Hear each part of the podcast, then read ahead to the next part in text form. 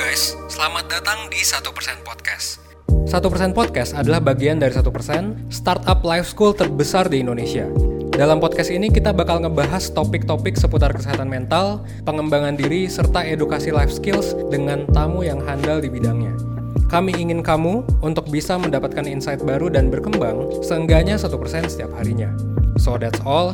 Enjoy 1% Podcast untuk hidup seutuhnya.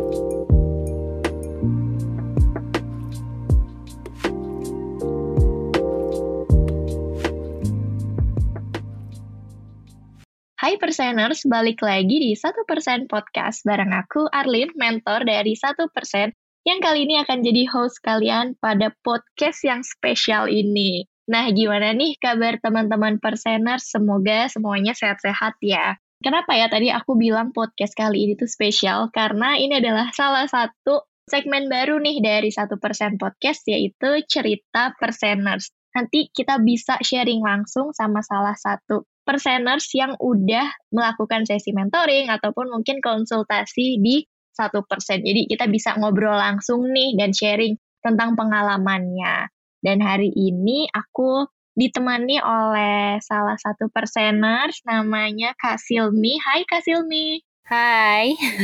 sore. Hai Kak Silmi, sore. Gimana kabarnya hari ini? Alhamdulillah enak banget. Hmm, seneng banget denger ya. Nah, Mungkin Kak Silmi boleh nih cerita dikit waktu ikut mentoring atau konseling nih kebetulan. Aku sebelum nyoba ya, awalnya sebelum nyoba mentoring itu kan baca-baca dulu mengenai mentoring sama konseling. Ah, ya udah akhirnya aku memilih mentor. Oh, oke. Okay. Berarti yang diikutin mentoring nih ya. Oke, okay, jadi perseners yang mungkin lagi dengerin, jadi Kak Silmi ini udah sempat melakukan sesi mentoring bersama mentor di satu persen.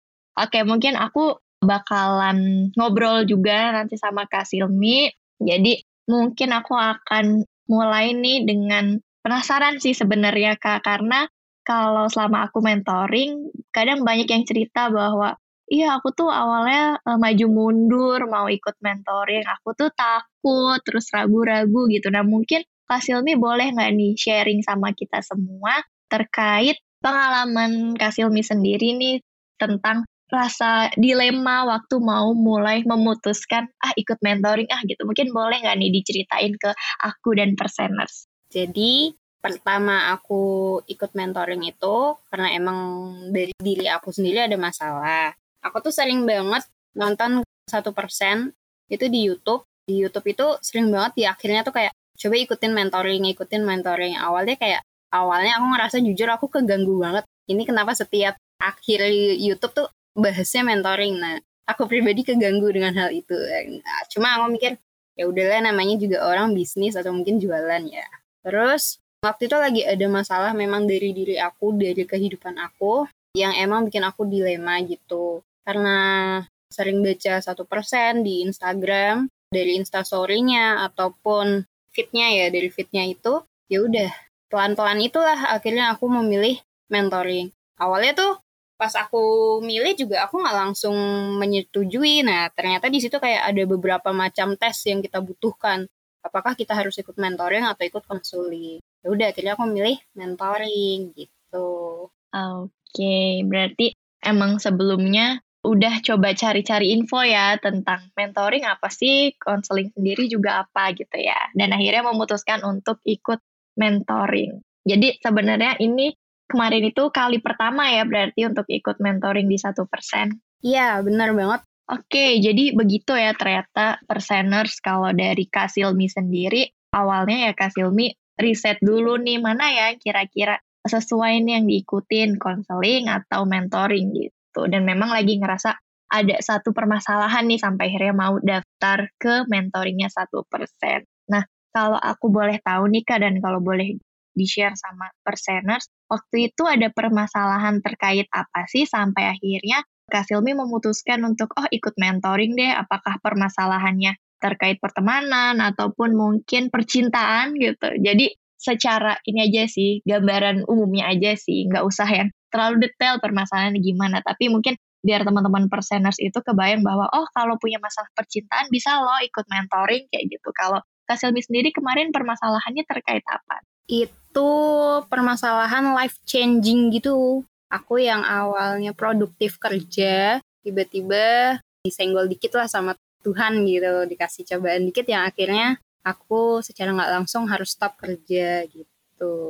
Oke, berarti terkait permasalahan pekerjaan ya kak. Oke, nah berarti perseners kalau kalian juga lagi punya permasalahan terkait pekerjaan nggak apa-apa banget ikut mentoring gitu dah. Jadi abis ini mungkin kalian uh, bisa dengar langsung nih dari Kak Silmi pengalamannya ketika ikut mentoring. Oke, Kak Silmi, terus nih apa sih waktu itu yang dirasakan ya ketika oke hari ini ada jadwal mentoring nih. Nah, sebelum mulai mentoringnya dulu deh, apa sih yang dirasain sama Kak Silmi? Deg-degan kah atau takut atau aduh bingung deh nanti ceritanya dari mana atau seperti apa? Pertama pas aku milih paket, nah itu aku ikut yang super plus. Pertama itu aku baca kan, baca-baca caranya atau rulesnya gitu itu kan ternyata dikasih waktu dua bulan. Nah dari dua bulan itu pertama juga aku nggak nggak langsung pakai, aku nunggu kayak seminggu dulu tuh karena emang masih ragu dalam hati gitu.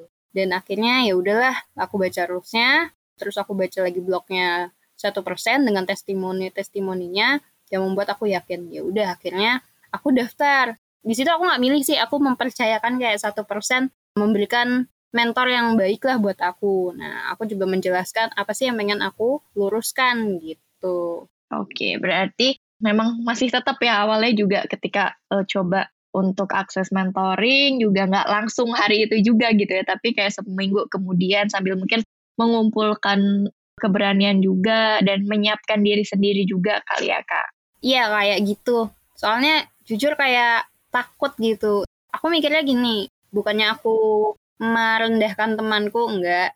Cuman aku hanya takut kayak nanti kalau emang ceritanya nanti sama kayak ke temen gimana gitu. Paling ujung-ujungnya cuma disuruh sabar. Ya aku udah sesabar ini gitu. Aku perlu apa lagi sih? Dan akhirnya ya udah pelan-pelan aja. Aku percaya. Hmm yes benar-benar. Benar sih karena sama seperti Kak Silmia banyak juga yang cerita bahwa iya kalau misalnya cerita ke teman tertentu kadang justru mereka mengecilkan masalah kita nih gitu padahal sebenarnya kita cuma butuh didengerin kok gitu oke berarti Kak Silmi pun menyadari bahwa keputusan untuk ikut sesi mentoring ini adalah keputusan yang sangat tepat ya.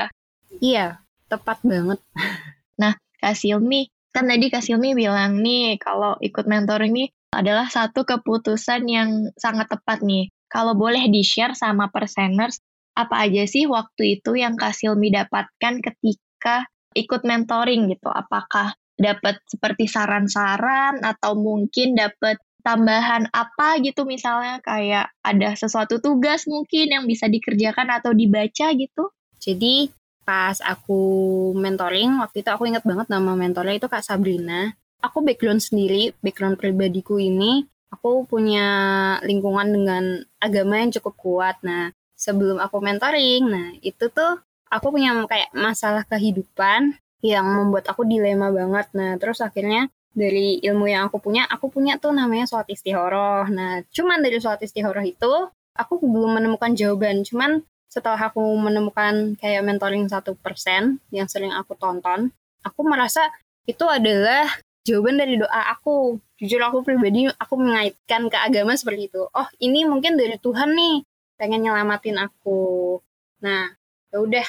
Awalnya ragu, cuman aku yakinin, oh ini jawaban Tuhan. Terus ya udah, akhirnya aku ikutilah pertama pas aku ikut mentoring Kak Sabrina tuh bilang sama aku suruh menceritakan apa yang terjadi sama hidup aku gitu selama satu bulan terakhir dan aku ngisi-ngisi kayak kuesionernya dari semacam wawancaranya dari mentoring yang secara tertulis itu aku juga awalnya heran ini apa sih pakai acara ada gini-gini. Cuman setelah ini oh mungkin orang ini pengen tahu backgroundku kayak gimana.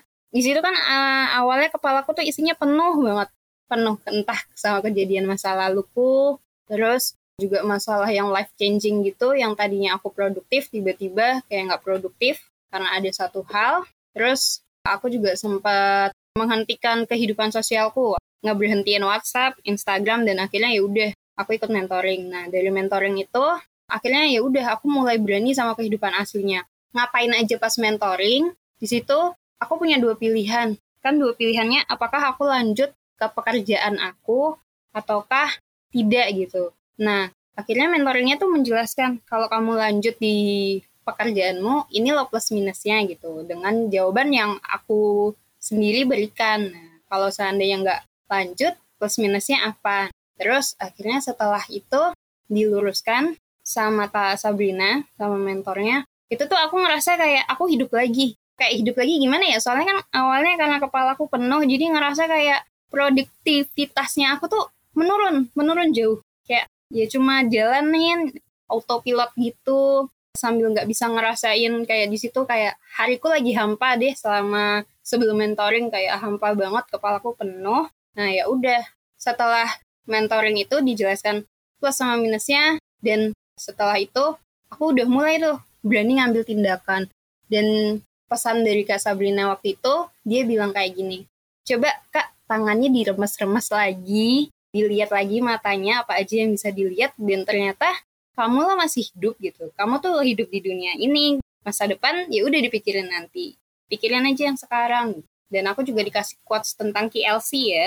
Soalnya kan emang umur luar masih di era-era KLC ternyata emang kalau kata Kak Sabrina di usia-usia yang segini emang permasalahan itu lagi banyak banget ya udah setelah sesi mentoring di situ aku ngerasa aku berani ngambil langkah selanjutnya gitu wow ternyata cukup berpengaruh ya ternyata ketika sebelum ikut mentoring dan ketika udah ikut mentoring ya Kak Silmi. Iya, berpengaruh banget. Memang benar ya, awal-awal pasti ngerasa takut, ngerasa ragu, dan mungkin ngerasa ngapain sih kok harus mentoring gitu. Emang nanti bisa dapet apa habis mentoring? Mungkin sempat kepikiran kayak gitu ya.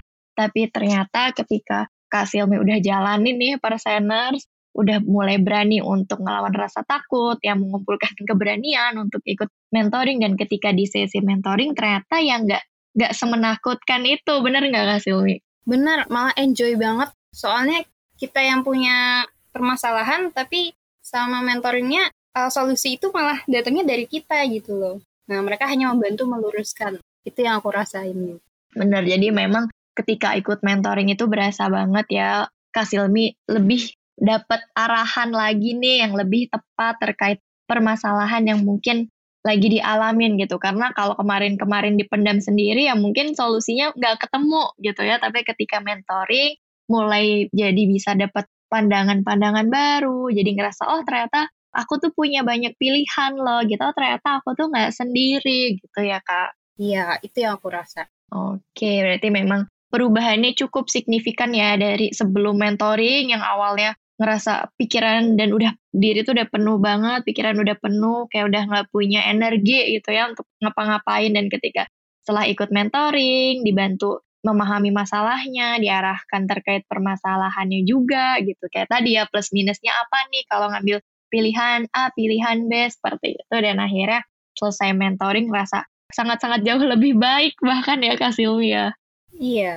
Ya aku sekarang ya lebih aware aja sama aku gitu, lebih mengenal diri aja.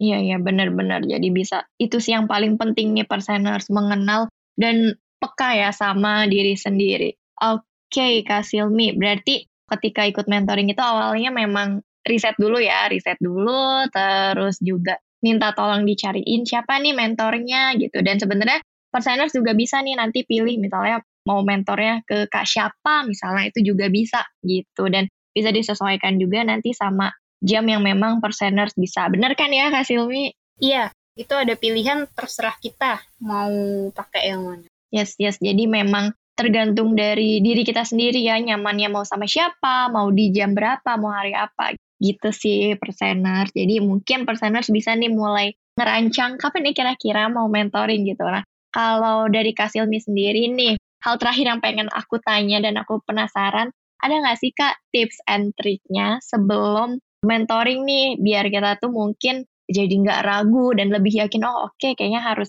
mentoring nih terus mungkin tips and trick ketika pas lagi mentoring nih lagi sesinya kira-kira gimana nih atau ceritanya mulai dari mana atau mungkin apa gitu ya pengalaman Kak Silmi yang kemarin tuh terjadi sama Kak Silmi ketika mentoring. Mungkin boleh di-share tips and triknya ke perseners biar perseners juga makin apa ya makin yakin gitu bahwa oh oke okay, mentoring dan konseling adalah pilihan yang tepat. Mungkin ada nggak nih kak dari Kasilmi sendiri tips-tipsnya sebelum mentoring dan ketika mentoring gitu apa sih yang harus disiapkan dan apa sih yang harus dilakukan ketika sesi? Boleh nggak kak di share sebenarnya di jawabannya udah ada dari blog yang satu persen sendiri. Pertama kalau emang ragu baca aja testimoninya. Ternyata testimoninya dari satu persen itu banyak banget dan testimoninya tuh positif positif semua. Terus selama mentoring di situ sebelumnya aku saranin kalau bisa coba yang paling lama sesinya. Nah, terus kalau bisa yang ikut yang super plus atau enggak yang bundling atau yang ada beberapa pilihan paket. Nah, kalau bisa yang paling lama. Karena apa?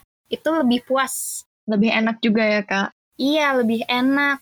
Nah, terus sebelum mentoring itu kalau kita pilih yang super plus itu, itu ada tes psikotes sama sebagainya itu loh, Kak. Oh, tes minat karir itu ya, kepribadian. Iya, itu yang bikin aku makin berani karena dari tes psikotes kita tahu, oh diriku ternyata dikurangnya di mana sama lebihnya di mana. Nah, terus dari satu persen sendiri juga udah bilang nanti selama mentoring bawa buku kecil note gitu atau sama tisu karena selama sesi itu ada kemungkinan kita kayak secara nggak langsung kayak nangis gitu loh karena aduh kayaknya emang berat banget. Dan akhirnya ya udah. Jadi ya siapin itu not sama tisu. Mungkin ada masukan-masukan dari mentoring yang bisa kita tulis. Kalau untuk percaya sama mentornya saran aku gini itu kan profesional ya. Profesional itu ya kita ibaratin dokter. Karena apa ya? Dokter itu kan punya bidangnya masing-masing. Sedangkan yang lagi bermasalah itu ada di hati kita, ada di pikiran kita gitu. Berarti dokter yang pas itu kemungkinan kalau nggak mentoring, konseling ke psikolog. Kalau emang misalnya udah nggak bisa ditanganin, aku rasa nanti dari mentornya sendiri akan bisa apa ya mengarahkan selanjutnya baiknya gimana gitu. Ah sebelumnya aku benar-benar berterima kasih ada satu persen di hidupku ngebantu eh, cara aku percaya diri, aku belajar dari satu persen. Ngebantu merencanakan tujuan hidup, aku juga belajar dari satu persen. Insecurity juga dari belajar dari satu persen. Aku juga sempat berpikir kenapa ya selama dulu aku di sekolah nggak ada satu persen, cuman ya udah deh. Aku berterima kasih banget ada satu persen. Seneng banget dengar cerita dari Kak Silmi gitu. Mungkin terakhir kali Kak ada nggak nih kira-kira yang paling penting deh untuk dipersiapkan gitu sebelum mulai sesi mentoring? Sebelum sesi mentoring mungkin gini, namanya manusia pasti kan ada masalah. Kalau memang ke semua orang belum bisa menjawab pertanyaan permasalahanmu, mungkin emang waktunya deh kamu datang ke konsultasi yang profesional. Di satu persen disediain ada mentoring ataupun konseling, konseling psikolog yang pasti mereka udah belajar dari sebelumnya dan mengetahui kenapa sih kita bisa cara nggak langsung kayak keberfungsiannya kita kayak menurun ataupun kayak hilang gitu. Ya percayakan aja dan yakinlah kalau kalian emang butuh pertolongan. Aku memilih itu karena aku merasa kayaknya emang aku perlu banget gitu Oke okay, oke. Okay. aku setuju sih. Jadi mungkin selain percaya gitu ya perseners juga Jangan ragu untuk mencari pertolongan ketika memang udah ngerasa melakukan semuanya tapi masih susah gitu ya. Gak apa-apa banget untuk minta bantuan dan minta bantuan itu bukan berarti lemah ya. Kak Silmi setuju nggak? Bukan, karena kita manusia biasa ya. Yes, benar. Jadi terseners jangan ragu untuk minta bantuan dan nanti ketika mentoring seperti yang tadi udah Kak Silmi ceritain ke kita, akan dibantu untuk diarahkan, untuk lebih memahami sebenarnya apa sih penyebab dari permasalahan ini gitu? Dan akan sama-sama cari solusinya terus juga akan dikasih semacam lembar kerja gitu ya kak atau worksheet yang bisa oh, yang sesuai nih sama masalah kita jadi bisa kita baca-baca dan dikerjain juga. Iya bener banget. Oke jadi gimana perseners mungkin udah mulai jadi makin semangat nih setelah dengar cerita langsung dari Kak Silmi yang udah pernah ikut mentoring satu persen? Mungkin kalau dari aku sih yang bisa aku simpulkan ikut mentoring itu adalah satu pilihan yang tepat ya baik itu mentoring ataupun konseling dan jangan ragu untuk minta bantuan dan ya percayakan aja sama mentor dan para konselor di satu persen karena apa yang kalian ceritakan pasti akan aman, rahasianya terjamin, dan pastinya melakukan sesi mentoring dan konseling juga sesuai dengan kode etik yang ada. Oke, okay, Kak Silmi, terima kasih banyak udah bersedia sharing pengalamannya sama aku dan sama perseners yang lain. Semoga perseners lain juga mulai bisa lebih peduli sama kesehatan mentalnya, lebih aware sama diri sendiri, dan bisa ikut mentoring sehingga lebih bisa terarahkan lagi nih dan lebih tahu sebenarnya lagi ngalamin apa sih gitu. Terima kasih banyak ya Kak Silmi atas sharingnya hari ini benar-benar insightful sekali. Sama-sama. Nah mungkin habis ini perseners boleh mulai nih cek-cek di websitenya satu persen dan bakalan ada promo-promo juga jadi mungkin bisa teman-teman cek nih perseners bisa cek lumayan kan jadi bisa sambil menghemat juga tapi bisa ikut mentoring juga gitu. Oke, mungkin terima kasih untuk Kasilmi khususnya udah mau sharing dan makasih juga untuk perseners yang udah mau dengerin podcast ini sampai akhir. Semoga bisa menjawab rasa penasaran kalian tentang mentoring dan konseling juga. Sukses terus untuk Kasilmi dan juga persener semua. Ingat bahwa semua ini butuh proses. Setidaknya satu persen setiap harinya tuh udah bagus sekali. Oke, kalau gitu aku akhiri podcast kali ini. Sampai bertemu di podcast selanjutnya. Dadah!